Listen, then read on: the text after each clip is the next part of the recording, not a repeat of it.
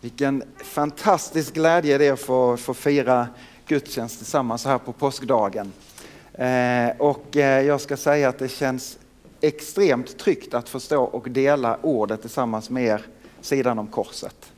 Eh, som får bli absolut den tydligaste påminnelsen om att Jesus är här i vår mitt och att han steg upp på det där korset för din och min skull för runda tal 2000 år sedan.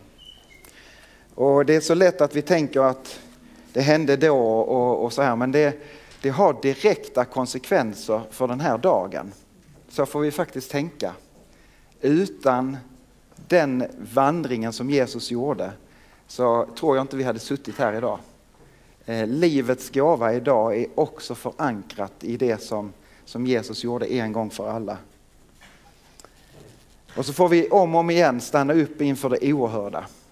Eh, Jesu vandring upp på korset, hur han lades i graven men att det inte stannar där vid.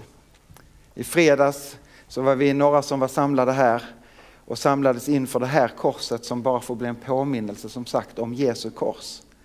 Eh, en, en dag, en fredag som, som rymmer också vandringen från döden på korset och till att Jesus läggs i graven. Och så är det på något sätt som att vi stiger tillbaka där och söker oss tillbaka till graven den här söndagmorgonen eller söndagförmiddagen. Precis som kvinnorna gjorde efter sabbaten när de sökte sig tillbaka till graven. Och vi ska få läsa ytterligare ett stycke, precis som vi läste från Matteus 28 i, i dopordningen, i missionsbefallningen. Så strax där innan så får vi möta berättelsen om hur kvinnorna söker sig till graven. det är ett heligt evangelium, Guds ord är ett levande ord och i vördnad för det så tycker jag att vi denna påskdagen står upp och lyssnar. I Jesu namn. Efter sabbaten i gryningen den första veckodagen så kom Maria från Magdala och den andra Maria för att se på graven. Då blev det ett kraftigt jordskalv, ty Herrens ängel steg ner från himlen och kom och rullade undan stenen och satte sig på den. Hans utseende var som blixten och hans kläder vita som snö. Vakterna skakade av skräck för honom och de blev liggande som döda. Men ängeln sa till kvinnorna, var inte rädda. Jag vet att ni söker efter Jesus som blev korsfäst, men han är inte här.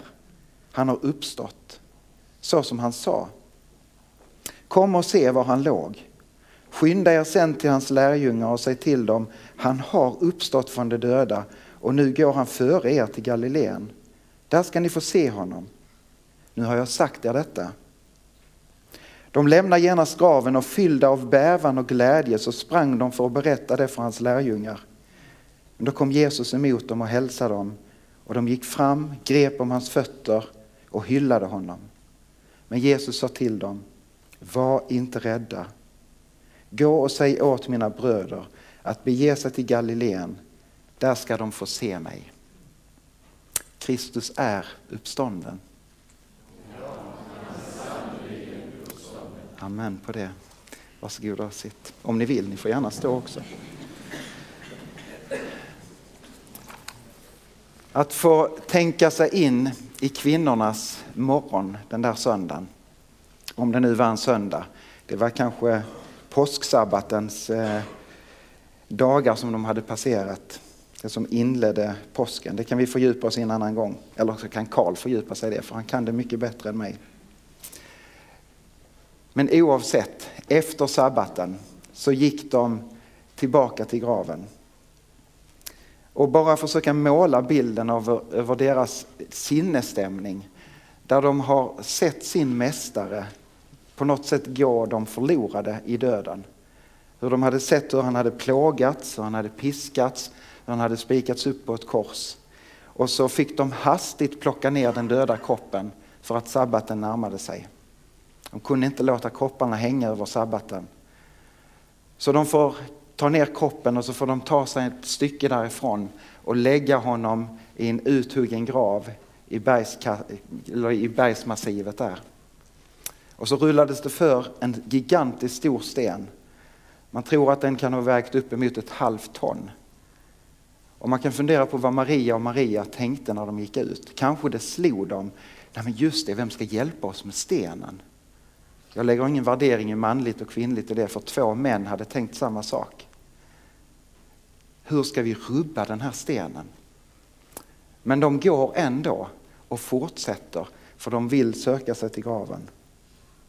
De har inväntat den här morgonen och längtat till att sabbaten ska vara över för att de ska kunna komma tillbaka, för att hinna smörja kroppen, balsamera den och linda in den så som det riktigt skulle vara. Kanske det är på vägen mot graven som, som de märker att, mark, märker att marken skakar till. Det vet vi ingenting om, men, men det skakar till i de här trakterna när ängen stiger ner. Och så när de kommer fram till graven så ser de att stenen är förrullad och så sitter där en skinande vit ängel som blixtrar som liksom har landat eh, på, på marken. Det måste ju varit en mäktig syn. Och så hälsar ängeln dem med orden Var inte rädda, var inte rädda. En hälsning som ofta återkommer i Bibelns berättelser och också efter, efter Bibelns berättelser när människor får möta och se in i det heliga och möta himlen så konkret. Ofta kommer den hälsningen, var inte rädda. En hälsning rakt in i deras situation.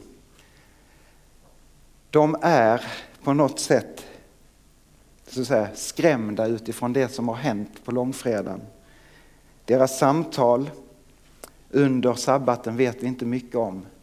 Bibelns berättelse är fullödig i hur Jesus går upp mot Golgata, hur han korsfästs, hur han läggs i graven. Sen tystnar Bibelns berättelser fram till påskdagens morgon. Men vi kan ana att lärjungarna som hade skrämda av det som hände skingrats i Jerusalems gator. Några som hade följt honom till korset. Men de hade någonstans börjat återsamlas och kanske reflekterat, vad är det som har hänt? De låser omkring sig, rädda för att förföljelse ska drabba dem. Deras mästare var ju död. Jesus som de hade fått bekänna som Messias han hade dött och allt kändes som förlorat. Men så kommer hälsningen från ängeln. Varför söker ni Jesus här? Han är inte här.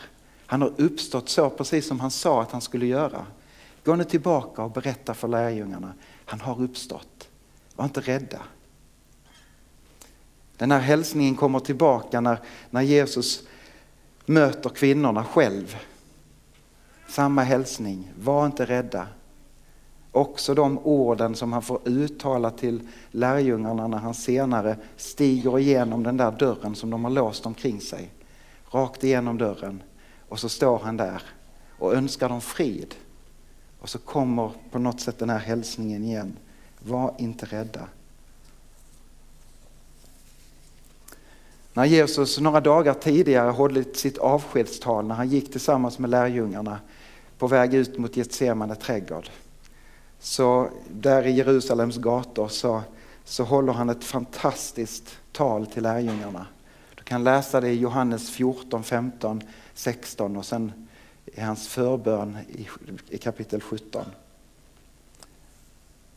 Där inleder han det avskedstalet med att säga Känn ingen oro. Tro på Gud och tro på mig. Vi har så lätt, vi har så lätt att hamna i oro och rädsla på olika sätt. Men så får vi också, tänker jag, den här påskdagen få ta till oss orden som ängeln uttalade till, till Marierna. Som Jesus uttalade till lärjungarna och som Jesus uttalar till dig och mig den här söndag förmiddagen. Känn ingen oro, tro på Gud och tro på mig. Var inte rädda, det finns så mycket som kan, som kan få oss skärrade i den här tiden vi lever. Vi kan vara rädda för de stora penseldragen som målas i, i, liksom på något sätt i vår tids historia. Eller så är det någonting som är väldigt, väldigt nära, kanske innanför mitt eget skinn. en rädsla för sjukdom eller vad det nu kan vara. Rädslan kan få sig så många uttryck. Men hälsningen från himlens Gud är, känn ingen oro. Tro på mig tro på Gud.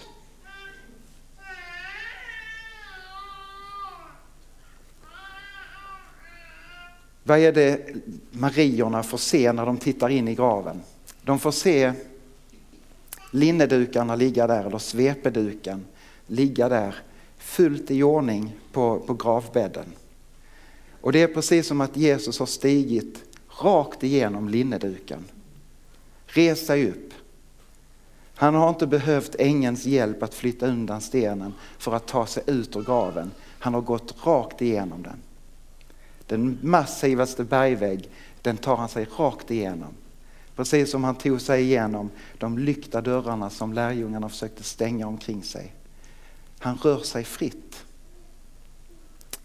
I och med Jesu uppståndelse, i och med hans, hur han kommer till oss genom den heliga Ande, så rör sig Herren fritt. Och vilken underbar hälsning också till oss idag. Jesus rör sig fritt. Också in i de områdena som vi kanske vill låsa omkring. Kanske saker som, som vi nästan är rädda att bekänna eller erkänna. För att, oh, vad ska människor säga, vad ska Gud säga? Ja, Gud ser det ändå. Men ändå så har vi en förmåga att luras att försöka gömma oss för Gud. Men Gud rör sig fritt i ditt inre rum och går rakt igenom de dörrarna som du försöker stänga för honom. Och vet du vad han kommer med för hälsning? Var inte rädd. Var inte rädd. Det som uppväcker Jesus från de döda, det är Gud själv. Samma ande som är verksam när himlarymderna skapas, när jorden lägger sin första grund, när människan får sitt liv, när Gud blåser sin livsande in i honom. Samma ande som blir utgjuten över Maria så att Jesus blir till som ett foster i hennes inre. Ett, ett mirakel som vi inte kan förstå men som vi får tro. Samma ande, säger Jesus, får flytta in i ditt hjärta. Och så kan vi säga att Jesus bor på vår insida. Fantastiskt att få bli påmint om det, Ali. Det som är en gåva till oss alla men som blir så påtagligt i dopet. Guds ande. I Efesierbrevet 1 och 17 så står det följande ord. Jag ber att vår Herre Jesu Kristi Gud, härlighetens fader, ska ge er en vishetens och uppenbarelsens ande som låter er få kunskap om honom. Må han ge ert inre öga ljus så att ni kan se vilket hopp han har kallat oss till.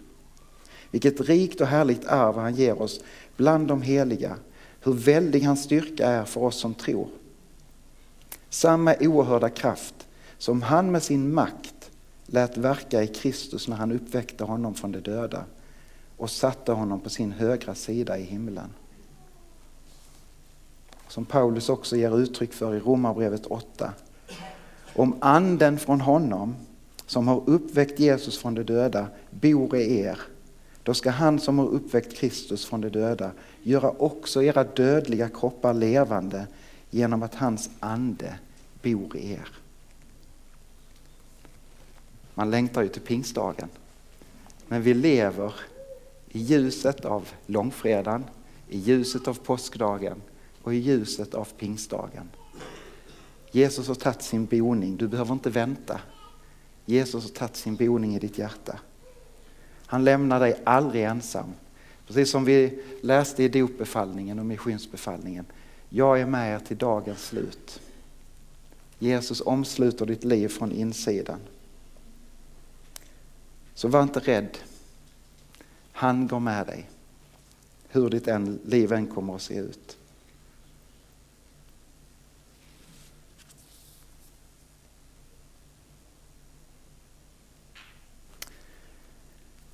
Och någonstans där får vi också nalka oss att få ta emot honom i nattvarden, i bröd och vin. i syndabekännelsen få ta emot förlåtelsen. Den förlåtelsen som är knuten till det kors Jesus hängde på en gång. Det är förlåtet men du får också bara ta emot den förlåtelsen. Så det är med stor glädje och stor frimodighet som jag säger till oss, låt oss be och bekänna inför levande Gud. Jag bekänner inför dig helige Gud att jag ofta och på många sätt har syndat med tankar, ord och gärningar.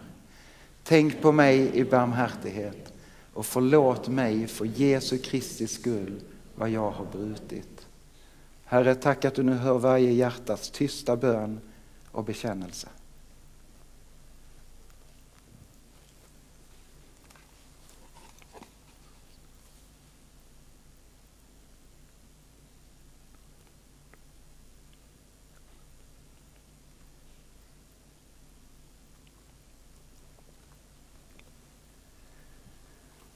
Till dig som ber om syndernas förlåtelse säger jag på Jesu Kristi uppdrag, du är förlåten i Faderns, Sonens och den helige Andes namn. Amen. Låt oss tacka och be.